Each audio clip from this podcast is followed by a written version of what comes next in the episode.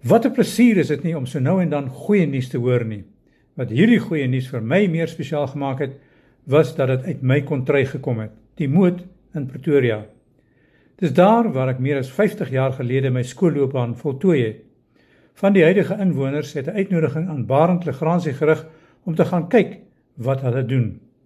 Barend het die afgelope paar jaar bekendheid verwerf as 'n man wat 'n wesenlike, praktiese, werkbare strategie uitgewerk het om sukkelende munisipaliteite weer op dreef te help kry.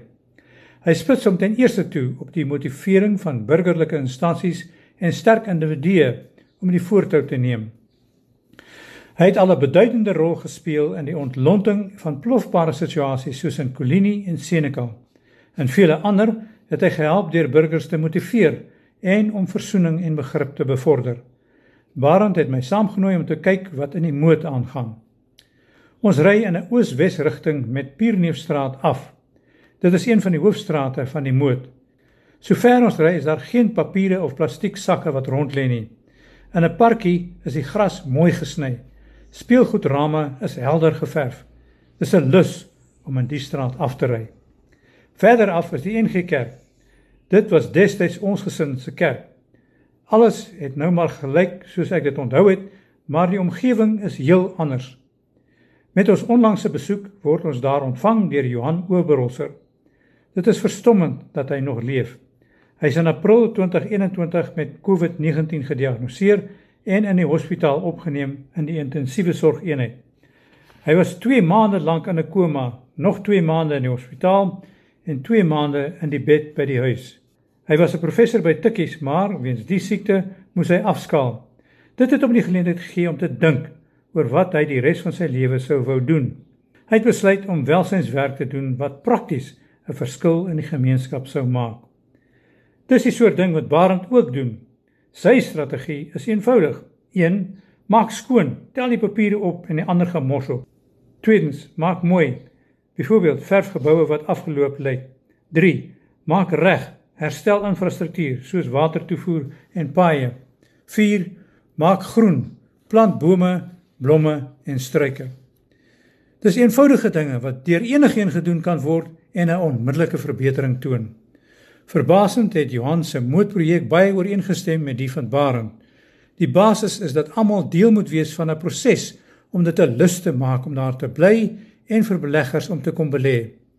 Johan en 'n klomp mede-inwoners en vrywilligers werk nou aan die goue kilometer in Pierneefstraat. Hulle het skrob sessies een Saterdag per maand. Hulle het al 3 bushaltes herstel en mooi geverf. Sypaadjies is netjies gemaak. Verkeersstrepe opnuut oorgeverf. Die pad gevee en die onderste gedeelte van die verkeerslig en lamppale geverf. Elkeen moet deurgangs verantwoordelikheid aanvaar vir sy sypaadjie en pad voor sy huis. Hulle oorweeg dit nou om twee permanente persone aan te stel om deurgangs die moed netjies en mooi te hou. Dit was dus 'n aangename ervaring om 'n stukkie van my verlede te herbesoek en behaag daarin te vind. Die moedse mense maak mooi. Wat interessant is van die projek is dat dit net in 'n gedeelte van die munisipaliteit plaasvind. Veral op die platteland is dit gewoonlik al die mense van 'n dorp wat die noodroep vir hulp rig. Die moed bewys dat dele van 'n stad of dorp suksesvol so 'n inisiatief kan aanpak. Dit kan lei tot kompetisie en verskillende dele kan met mekaar meeding oor watter deel die beste lyk. Ek verstaan daar is ook 'n soortgelyke geval in Kimberley. Een ding is duidelik. Iets drasties sal gedoen moet word om munisipaliteite reg te ruk. Onlangs op 'n paneelbespreking van die Noordwes Universiteit se skool vir regeringsstudie is gesê dat al die munisipaliteite landwyd misluk en niemand word daarvoor aanspreeklik gehou nie. Ook daar is voorgestel dat die burgerlike samelewing 'n groter rol moet speel, nie net om dienste te lewer wat die munisipaliteit versuim om te doen nie, maar ook om raadslewe verantwoordbaar te hou. Ook op 'n ander vlak is dit nodig dat burgers betrokke raak en dit is op die mensvlak. Ek self het by geleentheid in Senekal waar so 'n spesiale dag vir aksie gereël is, gehelp om vervaagde strepe op die pad weer helder wit te verf. Want dit gaan nie net oor die strepe en groter padveiligheid nie. So in die werk begin mense met mekaar praat, mekaar leer ken en groter begrip vir mekaar ontwikkel. En dit, beter verhoudinge, is by verre die grootste uitdaging vir ieder en elk in hierdie land. Verskeie burgerlike organisasies werk reeds daaraan.